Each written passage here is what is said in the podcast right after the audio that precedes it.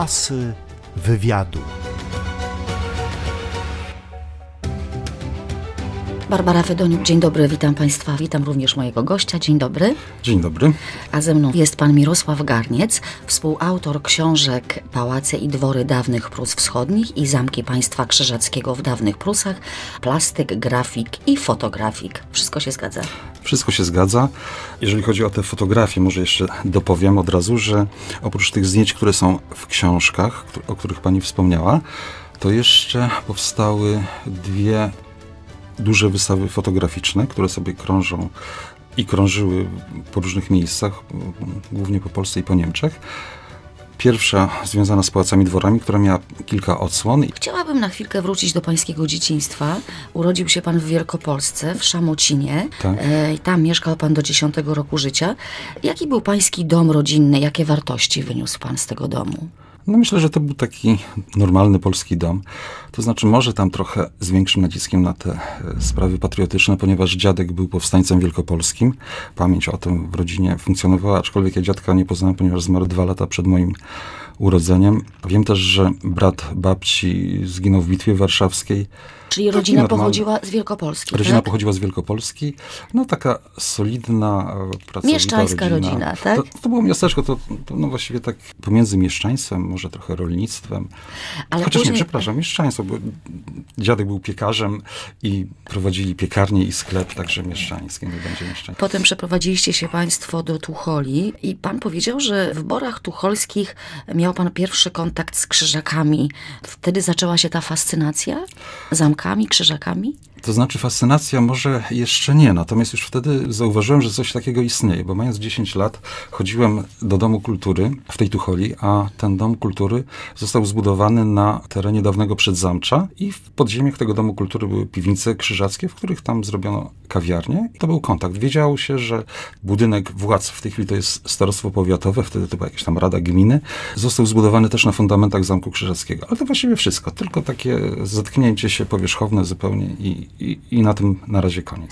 Był pan chłopcem rysującym, malującym w dzieciństwie? Tak, tak, bardzo dużo, szczególnie w pierwszych latach szkoły podstawowej, to najczęściej rysowałem czołg i czterech pancernych. A pierwsze kredki? No wtedy, albo w przedszkolu jeszcze. Podobno powtarzał pan klasę z powodu WF-u. Tak, to prawda, ale to już w liceum. Chodziłem do liceum plastycznego i w czwartej bodajże klasie tak już się przejąłem tymi sprawami artystycznymi. Zacząłem sobie czytać, studiować historię sztuki, szczególnie tą najnowszą. Lubiłem to robić po nocach, co owocowało tym, że nie wstawałem rano na WF, który był o godzinie siódmej. Przychodziłem do szkoły najczęściej o 10, 11. No i w sumie uzbierało się tyle nieobecności, że Rada Pedagogiczna, e, mając do wyboru wyrzucenie mnie ze szkoły, wybrała mniejsze zło i Powtarzał pan przy klasę. protestach WF-isty dała mi dwóje z WF-u, no i powtarzałem.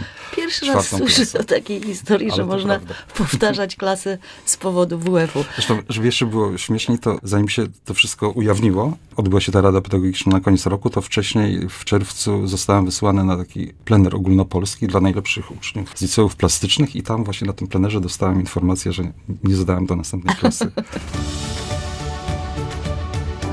Asy wywiadu.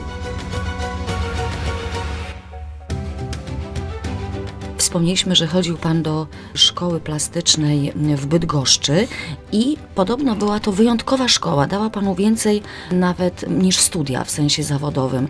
Czy można nauczyć się tej wrażliwości plastycznej, wrażliwości malarskiej? Czy można nauczyć się rysunku? Jak ktoś kompletnie się do tego nie nadaje, to wiem, że nie idzie do takiej szkoły. Na ile można wykształcić to w młodym człowieku? Można na pewno chyba w każdym człowieku wykształcić podstawowe takie umiejętności rysowania. Kwestia, czy ktoś jest zdolny, czy nie, to wychodzi właśnie w tempie uczenia się. Jeżeli ktoś jest zdolny, to się nauczy bardzo szybko, bardzo szybko łapie. Przede wszystkim lubi to robić, ma przyjemność, ma potrzebę. Osoba, która nie lubi tego, no, no każdego można nauczyć podstaw matematyki. Na, nawet Nie, na- mnie na- nie. Dwa plus dwa chyba No to tylko tyle. w innych dziedzinach też no, te podstawy dla osoby nieutalentowanej w tym kierunku, no wielką pracą można coś tam osiągnąć, natomiast nie ma to sensu oczywiście. A czego pana nauczyła szkoła średnia? No dla mnie szkoła średnia była najważniejsza. No może dlatego również, że tak długo do niej chodziłem, bo to było pięcioletnie liceum plastyczne, a w moim wypadku to było już sześcioletnie, czyli o połowę dłużej niż zwykła szkoła średnia w tamtych czasach. Po ukończeniu Szkoły Plastycznej w Bydgoszczy wybiera pan Toruń, Uniwersytet Mikołaja Kopernika, Wydział Sztuk Pięknych, Malarstwo i Projektowanie Graficzne. Pięć lat spędzonych w Toruniu, czas bardzo fajny, towarzysko rewelacyjny. No właśnie, jak, jak to życie studenckie wyglądało? Życie studenckie było świetne. To był ten okres w Toruniu bardzo intensywny, gdy działały prężnie dwa kluby, Odnowa i Imperial na Bielanach, tam gdzie było osiedle studenckie. I grała Republika. Grała Republika, grała Kobranocka, odbywały się jakieś takie imprezy łączone. Mało tego, na przykład był czas, że Republika miała próby w Imperialu, który był pod oknami naszego akademika, wiele osób z Torunia na pewno kojarzy. Poznał pan Grzegorza Ciechowskiego? Poznałem Grzegorza Ciechowskiego, aczkolwiek to była tylko taka, myślę, żeby mnie nie pamiętał, no ale Przelotna znajomość. ale tak? no, znajomość za dużo powiedziane. Odbyliśmy kiedyś rozmowę na temat jego muzyki. Poznawaliśmy ich utwory jakby trochę wcześniej. Po prostu słyszeliśmy je przez okno na próbach. No tak. Pamiętam obcego astronoma próbowanego, a potem za parę tygodni nagle na liście przebojów jest. I, no, takie były tego typu przyjemności. No, były przede wszystkim, jeżeli chodzi o życie studenckie, to właśnie rozkręcone w tych czasach, gdy studiowałem bale Wydziału Sztuk Pięknych, które się odbywały w Odnowie. To był co roku taki bal. Bal przebierańców co roku był jakby z innym przesłaniem, innym Mhm. motywem. No i tam działy się różne niesamowite szaleństwa, również z udziałem Republiki. Fajnie. Powinniśmy wspomnieć, że brał pan udział również w strajku w 1981 roku, czyli jest pan tak zwanym styropianowcem. No nie, nie lubię tego określenia i w ogóle wcześniej do głowy mi nie przyszło, żeby pomyśleć o sobie w tych kategoriach. Owszem, zacząłem studiować w 81 roku, w październiku, no i zaraz wybuchł strajk, który się ciągnął do 10 grudnia dokładnie. W salach gimnastycznych siedzieliśmy około miesiąca na materacach takich gąbkowych do robienia fikołków, nie na styropianie. No i dosyć to było trudne przeżycie, ale jednocześnie ekscytujące. No, trudne z powodu zamknięcia w tej jednej przestrzeni przez tak długi czas. Zresztą robiłem sobie takie małe przerwy, nielegalne, ponieważ nieopodal tej sali była stołówka i codziennie była wyznaczona ekipa, która w wielkim kotle dowoziła z tej kuchni grochówkę i tak dalej, jedzenie dla strajkujących, więc... A wyście wiedzieli o co chodzi? Oczywiście, oczywiście. Przynajmniej tak nam się wtedy wydawało. Na czym polega, panie Mirosławie, studiowanie malarstwa? No, studiowanie malarstwa polega na studiowaniu z natury. To jest podstawa. Rysowanie, malowanie z natury, ponieważ żeby zostać malarzem, żeby zostać rysownikiem, to nie tylko trzeba mieć sprawną rękę, ale również oko. A oko oczywiście jest pewną kwestią umowną. Chodzi o mózg, o zmysł obserwacji, o wykształcenie w sobie procesu widzenia, dostrzegania kształtów, przedmiotów, pewnej harmonii, której zwykły śmiertelnik nie jest w stanie dostrzec, ponieważ nie ma potrzeby oglądania jakiegoś przedmiotu tak dokładnie, jak wtedy, gdy go próbujemy narysować, czy zestawu przedmiotów.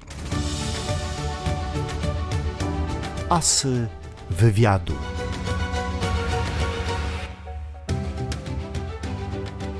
Po studiach przez y, krótki okres pracuje pan na Uniwersytecie imienia Mikołaja Kopernika w Toruniu jako asystent, później wojsko, później przeprowadza się pan do Olsztyna, zakłada firmę reklamową, wreszcie Wcześniej rodzinę. wcześniej rodzinę y, i wreszcie w 98 roku y, własne wydawnictwo.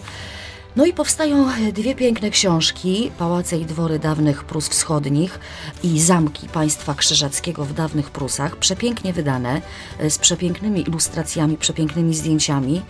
Jak to było możliwe, że te pozycje przygotowały tylko dwie osoby, pan i pana żona? Rozwój technologii to umożliwił, ponieważ rozwój komputerów, programów komputerowych w tamtym czasie, programów graficznych oczywiście przede wszystkim, był już na tyle zaawansowany, że y, nastąpiła zupełna rewolucja, jeżeli chodzi o wydawanie książek.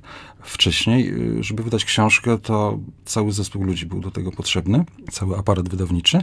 Natomiast pojawienie się komputerów i, no i możliwość współpracy z firmami, które zajmowały się przygotowaniem do druku, w sensie, że skanowały, wówczas jeszcze naświetlały, powodował, że praktycznie jedna osoba czy dwie były w stanie przygotować od początku do końca taką książkę. Ale powstanie takich książek wymaga ogromnej pracy. Czy pan był we wszystkich tych dworach i pałacach w naszym regionie? Oczywiście. Fizycznie pojechał pan wszędzie. Tak. Więc byłem dokładnie we wszystkich. Mogę Y, powiedzieć, że byliśmy we wszystkich. Zdarzały się takie prawdziwe perełki, o których istnienie pan by nie podejrzewał. Czy, czy było coś zaskakującego w tych podróżach? Tak, to, to w zasadzie było co krok, ponieważ większość, zdecydowana większość, widział się jej po raz pierwszy. Część, bardzo niewielka część, owszem, funkcjonowała tutaj jako w katalogach zabytków, czy tam w jakichś wydawnictwach, ale to, to, to była po prostu ziemia nieznana, którą odkrywaliśmy i y, praktycznie co krok znajdowaliśmy coś nowego, coś ciekawego. Każdy taki wyjazd przynosił ze sobą różne, różne niespodzianki. I serce się kroi, kiedy patrzymy na te resztki, ruiny, pozostałości po tych pięknych dworach.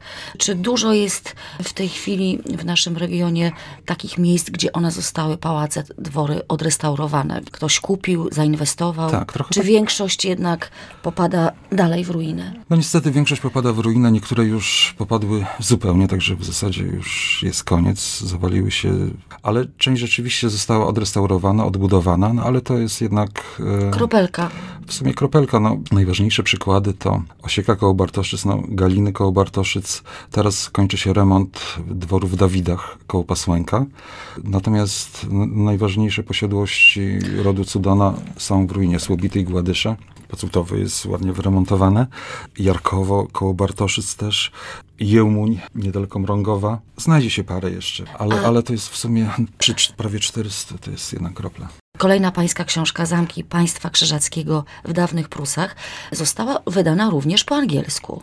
Tak. Książka ta, mam nadzieję, posłuży sprawie pewnej idei, którą żyję od kilku lat, mianowicie temu, aby dokonać operacji wpisania Zamków Państwa Krzyżackiego jako zespołu na listę UNESCO. Czy prawdą jest, że zamki krzyżackie były budowane w odległości jednego dnia jazdy konnej, tak żeby posłaniec czy jeździec mógł w ciągu jednego dnia z jednego zamku do drugiego się przemieścić? Można tak to trochę naciągnąć, w tym sensie, że najdalsze odległości między zamkami no mniej więcej 40 były kilometrów. takie, natomiast było dużo zamków, które były w bliższych odległościach, szczególnie na ziemi chełmińskiej, gdzie praktycznie czasami jest to 10 kilometrów. Czyli teraz mamy ideę, ażeby zamki krzyżackie w regionie wpisać na listę UNESCO. Tak, bo jest w tej chwili tak, że zamek w Malborku jest wpisany na listę UNESCO, ale on jest jako stolica, jako pomnik e, konserwatorstwa, no bo na Malborku w zasadzie testowano wszelkie pomysły konserwatorskie, które później były wprowadzane nie tylko w Polsce, ale w całej Europie. Natomiast chodzi o ten zespół, o państwo krzyżackie, gdzie tych zamków było prawie 150 na naszych ziemiach, bo tu jeszcze jest obwód kaliningradzki, ale na ziemiach polskich, czyli nasze województwo, województwo kujawsko-pomorskie i pomorskie. Tych zamków y, jest kilkadziesiąt, mniej lub bardziej zachowanych. I one stanowią właśnie coś wyjątkowego, tak jak powiedziałem, w skali europejskiej. Takich ceglanych zamków, takiego zespołu zamków tak jednorodnych, zbudowanych przez państwo, przez jedną myśl e, architektoniczną, ideologiczną, nigdzie nie ma. I to jest potencjał, który należy no, wykorzystać. wykorzystać. Dziękuję panu za rozmowę. Już? E, Już. Dziś moim gościem był Mirosław Garniec, współautor książek, wydawca, plastyk, grafik i fotografik.